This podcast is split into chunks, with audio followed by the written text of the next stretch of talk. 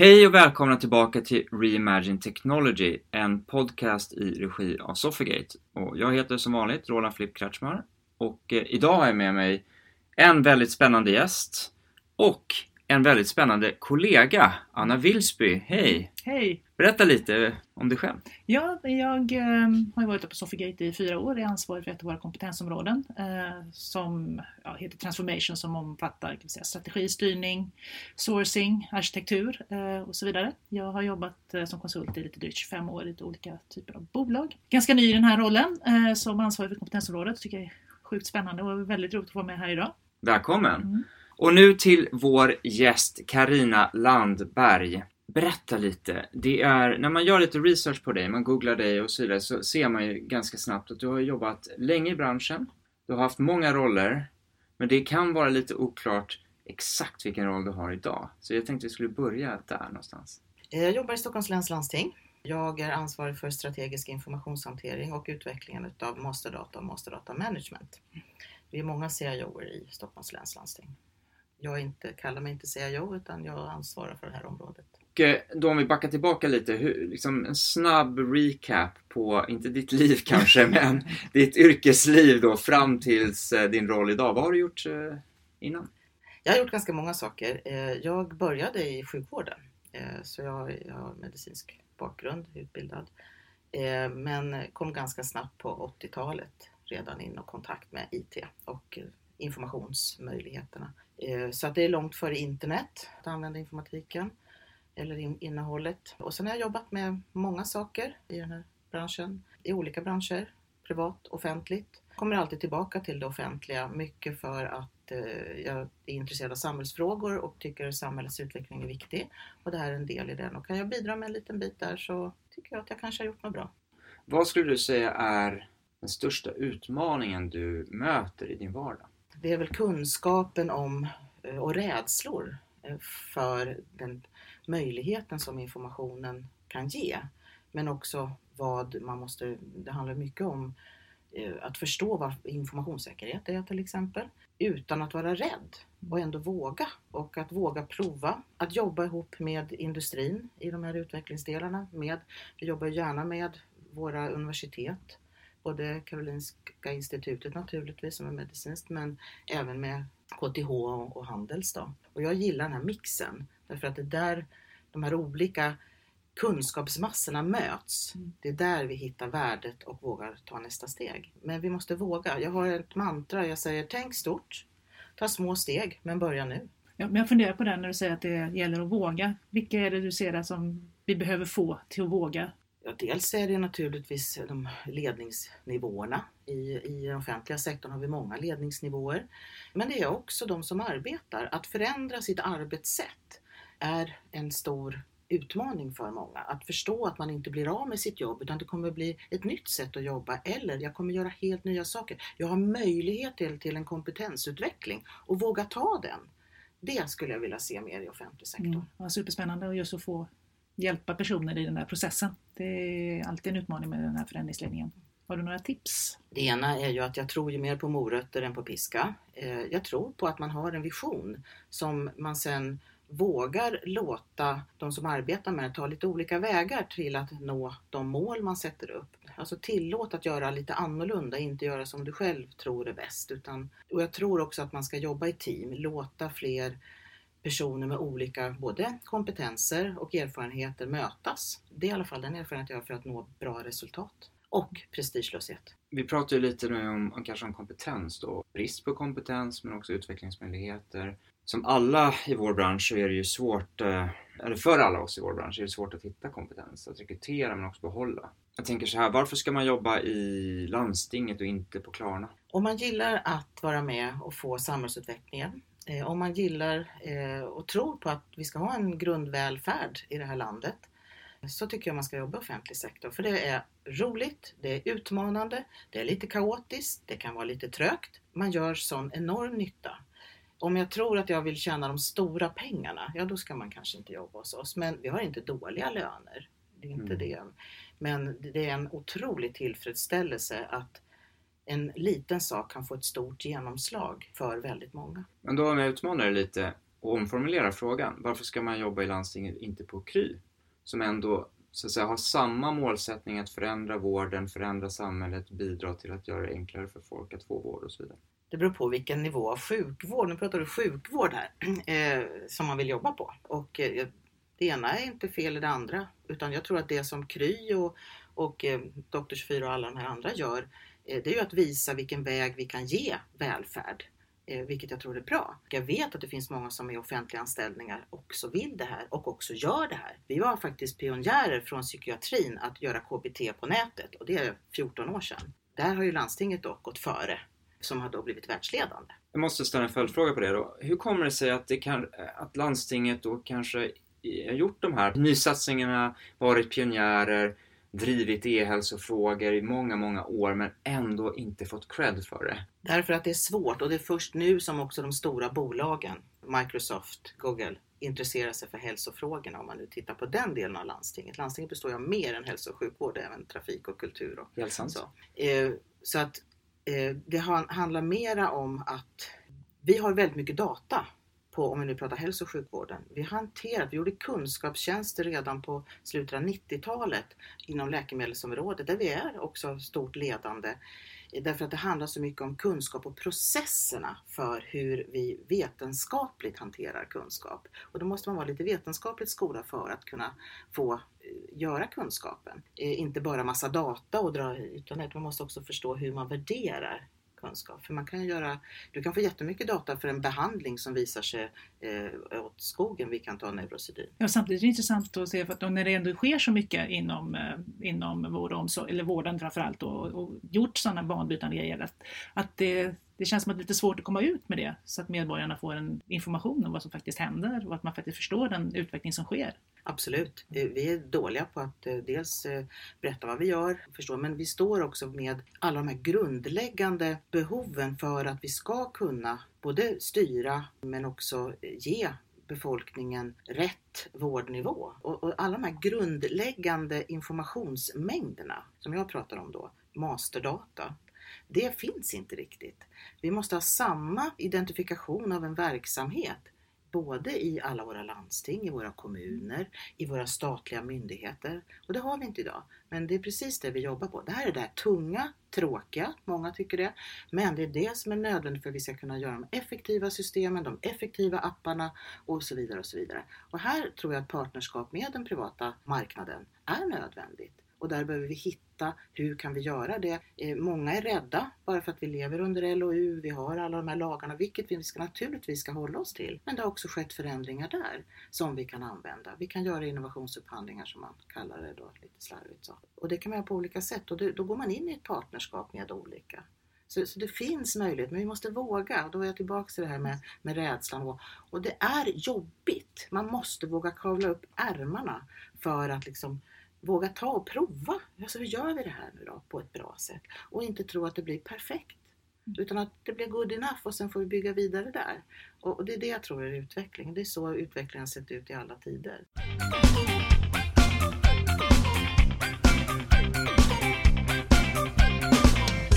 Jag funderar på, vi var inne på privata aktörer, vi kommer lite tillbaka till det, men jag tänker också på hur ni samarbetar med de andra landstingen. Jag kan tänka mig att Stockholm är ju ändå ett stort, största kanske motor i det här? Alltså hur, hur sker samarbetet med övriga landsting? Vi har samarbeten regioner? inom olika områden. Eh, en av de som vi har jobbat mest med de senaste det är just informatiken, det vill säga informationens betydelse, termer och begrepp och sådana saker. Här behöver vi jobba mer. När vi rullade ut eh, e-recept så hade vi ett jättesamarbete där vi samnyttjade allt ifrån kommunikationen till layouten till you name it. Så vi gör en massa samarbeten. Men det handlar om personliga kontakter väldigt mycket. Inom regionen regionen här har vi ett mycket bra samarbete med kommunerna inom de här områdena, både när det gäller arkitektur, vilka typer av arkitektur då, då förstås, mm. Eh, och informatik, eh, och, men även eh, en del projekt. Framförallt äldre i hemmet håller vi på med delar. IoT, en sån här annan utmaning, hur vi ska hantera det. Vi pratar mycket hur vi ska lagra, inte lagra, gallra, ta bort, vad ska vara kvar? Det är ju stora frågor och när det gäller lagstiftning på den privata vårdsidan så har de, när det gäller journalhantering, har de tio år som de vill ha. Vi ska laga forever om man är offentlig. Det finns ett antal sådana mm. saker som man faktiskt måste lyfta upp idag och, och, och tänka hur, hur vill vi ha det? Både för forskningen och utvecklingen men också för andra saker, andra regelverk. Ja, nej, för ja, precis, lagstiftning och framförallt när man pratar information så jag menar, det finns så mycket begränsningar i vad man får göra och inte. Så jag menar, det känns ju också som att man behöver driva lagstiftningen framför sig på Mm. något sätt också. Och det gör vi ju. Mm. Och det har vi gjort i många år. Och jag tycker också att man är otroligt mycket snabbare, eh, oavsett vilken regering vi har, att ändå försöka bättra på eller förändra lagstiftning för det nya, nya samhället som vi faktiskt är i då, då. Och också den sårbarhet som det nya samhället får. På tal om regeringen och på tal om att det är valår. Hur Mm. mycket påverkar partipolitiken utvecklingen av IT-projekt? Det har varit lite olika genom åren skulle jag vilja säga. Från början, för många år sedan, så var det väldigt teknikstyrt. Där också bryggan mellan verksamheten och tekniken var ganska stor. Eller det var väl vallgravar. Mycket silos. Det börjar ske en förändring. I Stockholms läns landsting har vi ett innovationslandstingsråd som driver just e-hälsofrågor och e-utveckling, digital utveckling väldigt hårt. Det har ju varit en styrka för oss på många sätt. Men det handlar igen, det spelar ju ingen roll om vi ska ju komma åt den största delen av våra politiker, fritidspolitiker och har kunskap i massa områden. Men de här, det här med att förstå digitaliseringens laterala möjlighet. När vi pratar om möjligheter att väga in miljödata ihop med större infektioner eller alltså, vi kan göra så mycket spännande saker. Och här behöver vi vara duktigare storytellers, alltså göra berättelser för hur man kan använda informationen för att förbättra hälsan, för att förbättra sjukdomsförlopp eller nu ska vi inte röra oss på de här gatorna. Det har man ju gjort i vissa, i Linköping tror jag det är, man, har, man mäter olika luftföroreningar för så att astmatiker kan undvika dem. Och så. Det, men det pratas inte så heller så mycket. Det är inte så flashigt när offentlig sektor gör. Och samtidigt så, vi har en kärnverksamhet som vi ska göra. Eh, Medan den här delen är inte kanske kärnverksamhet totalt. Men i min värld så är det inte, man ska inte ha en speciell IT-avdelning idag. Sen behöver du ha drift och alla andra saker. Men att, att du använder IT i IT på ett smartare sätt, det måste vara i var och en som arbetar. Där är vi helt överens och det är ju någonting vi jobbar mycket med också på Sofagate. Att verkligen få liksom, verksamheten, affären, beroende på vad det är för organisation, och IT att verkligen samverka. Och vi pratar ju också lite om så här, vad är CIOns roll i framtiden? Kommer den finnas kvar överhuvudtaget? Kommer IT-avdelningen finnas kvar? Förmodligen inte och så vidare. Alltså, det är väldigt, väldigt spännande. Du säger att ni har börjat göra det här. Kan du fördjupa dig lite i kring hur det ser ut i, i, i lite mer i vardagen då? I samverkan mellan IT och verksamheten? Och... Alla har lite IT-verksamhet hos sig sätt. Sen är, har vi ju en, en IT-avdelning som, som står just för driftsfrågor mm. och hela ITIL-ramverk och sådana delar. Och där behöver det också utvecklas i samspelet med de upphandlade leverantörer vi har på området. Och där ser jag att leverantörerna behöver utveckla sig. Mm. Jag vet ju när vi började med, med federativ inloggning, identitet och behörighetsinloggning för x antal år sedan. Det drev ju vi fram tillsammans med våra kommuner. Så var de stora drakarna, ingen nämnd och ingen glömd utav våra stora IT-bolag. De fattade inte det här, våra stora konsultbolag. Utan vi utbildade dem. Vi ordnade utbildningar. Tror ni att det är någon som berättar något om sånt? Nej. Men vi utbildar dem i att förstå hur måste vi tänka runt identitet och behörighet i framtiden så att vi inte har det i varje system, i varje app och hur vi kan skydda och hur, hur måste vi jobba annorlunda. Och det är bara början på en resa som vi har startat igång som vi förväntar oss att nu bolagen ska ta upp mer och mer, vilket en del har gjort. Vad tror du landstinget kommer vara när det gäller IT-teknologi och så vidare om 5-10 år? Ska jag svära i kyrkan?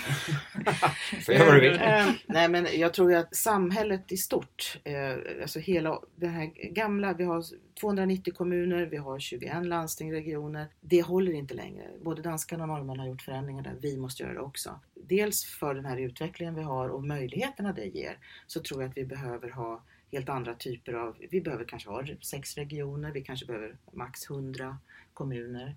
Vi vet ju att många kommuner går ihop för de klarar inte sina åtaganden för välfärden då.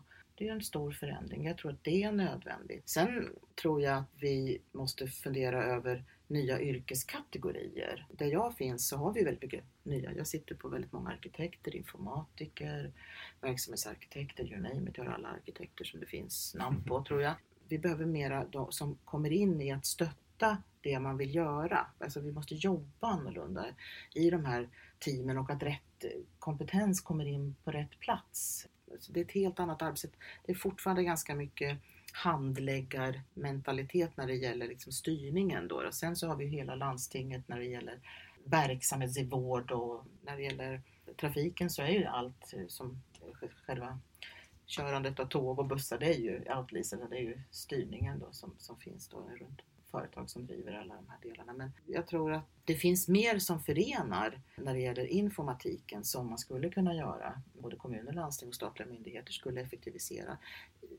Jag har gjort, beskrivit några scenarios där Eh, till exempel, varje, tänk dig att 290 kommuner och 21 landsting varje gång de gör en upphandling ska göra en, krediter, alltså en kreditbedömning av ett företag. Tror ni att man blir bra på det då? Här skulle man ju kunna eh, via statliga myndigheter ha liksom en grundfundament som ger stöd till landsting och kommuner om bedömningar av kreditvärdighet, eh, utveckling utav företag som landstingen och kommunerna kunde använda sig utav istället. Och då kunde det vara sju proffs som ägnar sig åt det istället för att det är mm. tusentals som egentligen inte kan. Så alla sådana där saker skulle jag vilja se en förändring på. Så, och sen måste man själv såklart bedöma om de klarar av verksamheten. Har man, eh, så man bygger på med att man bygger på.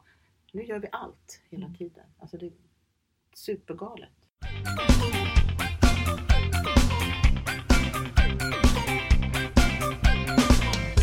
Jag funderar också på när eh, ni funderar över vart man är på väg, var, var hämtar man inspiration någonstans utanför Sverige? Finns det några föregångsländer? Det finns så otroligt mycket bra och kreativa människor inom organisationerna, i möten med människor. Och självklart tittar du i omvärlden. Men det finns väldigt mycket inspiration. Det är otroligt mycket duktiga människor men de kommer inte fram alltid. Det är svårt i en del av processen att processa fram eh, en utveckling eller en, en förändring. Eh, och då kommer vi tillbaka till det här med rädslan och, och förståelsen. Det handlar lite grann om att öka kunskapen eh, om vilka möjligheter eller varför man kan tänka lite annorlunda. Jag tittade på, vi har en massa checklistor och massa konstiga saker. Då ser man det här skulle ju kunna vara automatiskt automatiserat fullständigt. Bara en kontroll där och en kontroll där och sen vore det klart. Istället då som det ska gå alla dessa led. När någonting händer kan det liksom spridas till flera instanser som ska bedöma eh, någonting, vad det nu kan vara. Det finns massor med exempel. Man har gjort det på mellan statliga myndigheter och kommuner när det gäller sån här eh, bistånd. Ekonomiskt bistånd? Ekonomiskt bistånd, tack. Mm.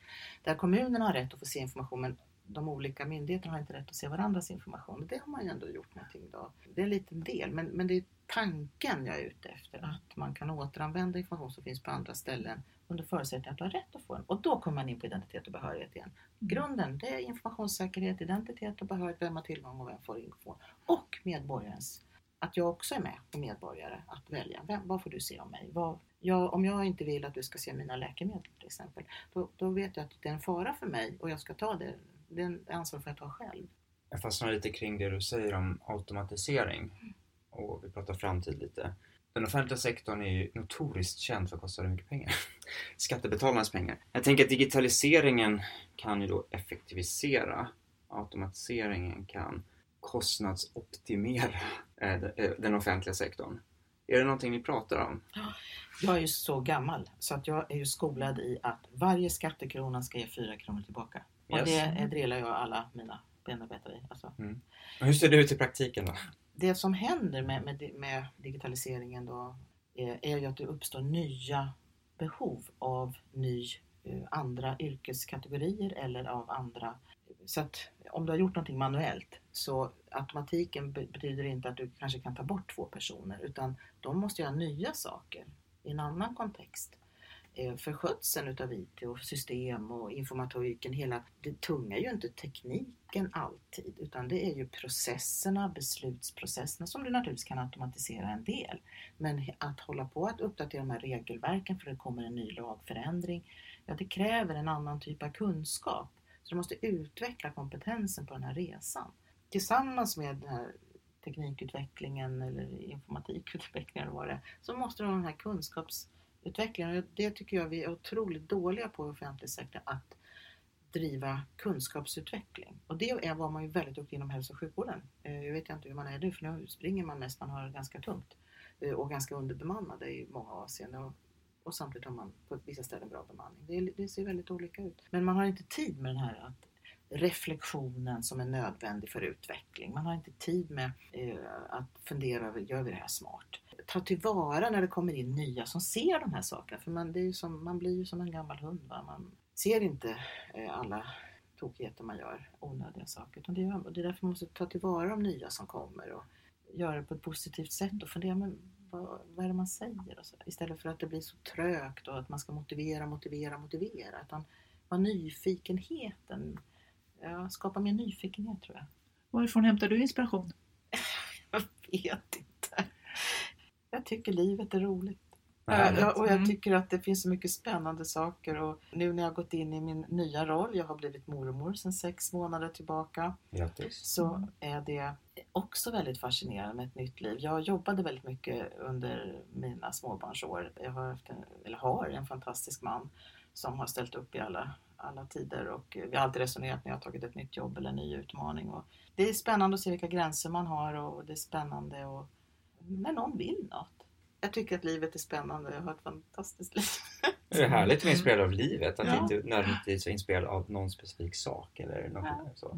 Nej, utan möjligheterna. Och, jag menar, eftersom jag var med innan internet och när internet kom och alltså, hela den här resan, smartphones, och, sen är jag lite tekniknörd. Eh, så. Jag tycker det är spännande med nya saker men jag har, ju- försöker dra nytta av det för mig. Jag varit dålig på att prioritera mig själv men jag har lärt mig lite bättre på senare år. Inspirationen är runt omkring oss, i, ofta i andra branscher, i ofta andra eh, sätt att tänka eller du möts på en middag och för ett spännande resonemang och, och sen kan du göra någonting utav det. Du har ju varit chef och ledare länge. Jag tänkte vi skulle prata lite om det. Vad tycker du är det viktigaste hos en bra chef eller en bra ledare? Lyssna, men också vara tydlig. Tillåtande men tydlig. Och som sagt, eh, ha kul. Våga skratta. Mm. Eh, eh, inte döma eh, utan snarare resonera. Vad kunde, hur kunde vi göra om det nu går tokigt? För det gör det ju ibland. Precis, för du har ju varit ledare länge. Man, hur, ja.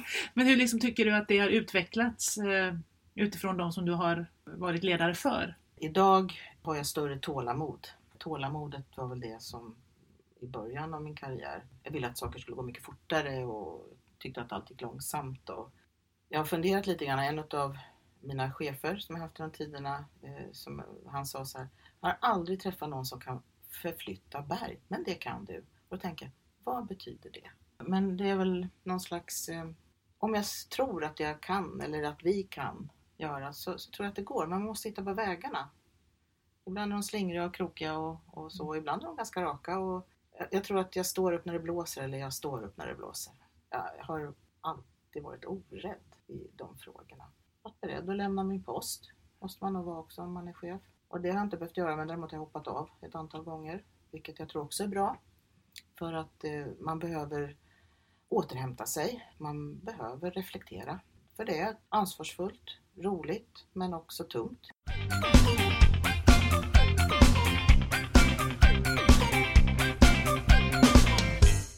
Vad är den största utmaningen med den nya generationen talang som, som du möter i arbetslivet? Alltså det är så olika. Jag, jag, ålder är oftast inte en ish. Mm. Eh, utan snarare så är det människan. Jag har mött de som är väldigt unga, eh, hungriga, vill och så. Men de som också inte vill någonting. Det sitter inte så mycket i generationer utan mer av vilken uppfostran man har, vilket liv man har levt. Om man är, tycker att det är spännande att få arbeta. Jag tycker att arbete är roligt. Och det är inte alla som tycker det. Så vad tittar du på när du rekryterar? Om vi, om vi vänder lite på det. Vilka egenskaper letar du efter? Öppenhet, självständighet naturligtvis, lyret, men också att både kunna jobba självständigt och i team. Alltså Mm. att man kan både och. Det beror, sen finns det vissa eh, yrkesdelar som superanalytiker. De, be, de behöver inte kunna jobba i team men ska kunna leverera på ett begripligt sätt. Så det, finns lite, det beror på lite grann vad det är för yrkeskategori. Men jag bygger ofta team med olika personligheter. Jag tittar mycket, förutom man, man ska ju naturligtvis ha faktakunskapen eller bakgrundskunskapen och, och den delen. Men det får inte vara för många som är fördrivande. Det måste också vara de som är producerande. Och du måste mixa det här och du måste skapa förståelsen för det här. Vi jobbar ganska mycket med att prata om att vi är olika och att det är en styrka. Och, och vi gör övningar på det för att förstå. Hur ska jag koppla ihop? Nu, nu har vi det här uppdraget, vilka är det som ska gå? Vad är det vi behöver? Både i fakta och i personlighet. Då, då. Vi sitter ju i en del svåra situationer emellanåt och vi ska ge underlag på ett bra sätt och det ska vara snabbt och, och då behöver man lite olika typer. Det finns ju många chefer idag, som i alla fall jag själv då, upplever är rädda, vi pratar om ordet rädsla förut, rädda för digitaliseringen. Mycket på grund av kanske okunskap. Jag gissar att du också möter det. Vad skulle ditt tips vara till en eh, chef eller en ledare som är mitt inne i den här digitaliseringsvågen och som känner den här rädslan? Våga ställa frågor. Alltså det är någonting jag har gjort. Har jag, begriper jag inte så ställa, jag begriper inte ett dugg vad du säger, försök att förklara på annat sätt. Att visa att man inte kan, det är en styrka, det är ett mod. Och, och det tror jag är det bästa sättet att lära sig. Det har i alla fall jag gjort. Mm. Det har gått ganska bra. Ja, vad har du för, vad ligger på i planen nu de kommande två, tre åren? Jag planerar ju för att gå i pension. Det är ett, eh, ett annat liv som jag ser fram emot. När man har jobbat mycket så tror jag att det är viktigt att man planerar för det och känner att man jobbar med det de sista åren man jobbar. För att gå över i det som är pension. För det blir annorlunda. Du, du är inte hetluften, du är inte beroende eller människor är beroende av det på samma sätt. Och du måste kunna vila i det. Och du måste tycka om att vara själv eller med din familj eller vad du, hur du, du lever. Och eh, jag övar mig nu i att göra helt nya saker. Förutom att vara mormor så eh, har jag övat mig i att odla i sommar. Mm. Eh, så vi byggde växthus och odlings och det har varit jätteroligt. Jag lär mig att använda det. Jag gillar hållbarhet förstås och alltid gjort en viktig del. Det finns så mycket som, som man bara är eller som man har i sig som man inte tänker på. Men eh, det här med hållbarhet och återanvändning och, och den delen. Det är också utlopp för andra kreativa ådror som man vill prova. Eh, man ska också ta ställning om man vill leva med den man gör. Jag har levt i 35 år med min man eh, och vi vill fortsätta göra det för vi har fortfarande kul ihop. Det tillhör ovanligheterna förstår jag idag. Men jag tror att det är det här att man har gett varandra utrymme och tid och växa på resan man har gjort.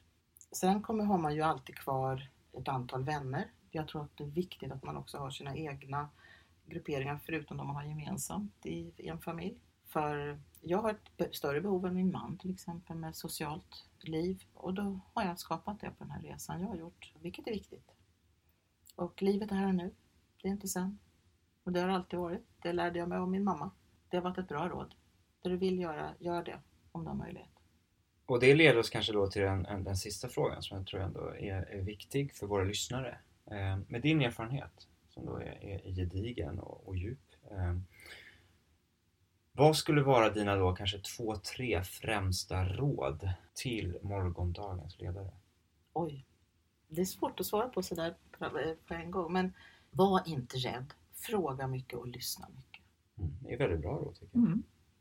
Jag tycker det har varit väldigt spännande att få prata med dig idag, Karina eh, och med dig också, Anna. Och det här var ytterligare ett avsnitt av Reimagine Technology, en podcast av Sofigate.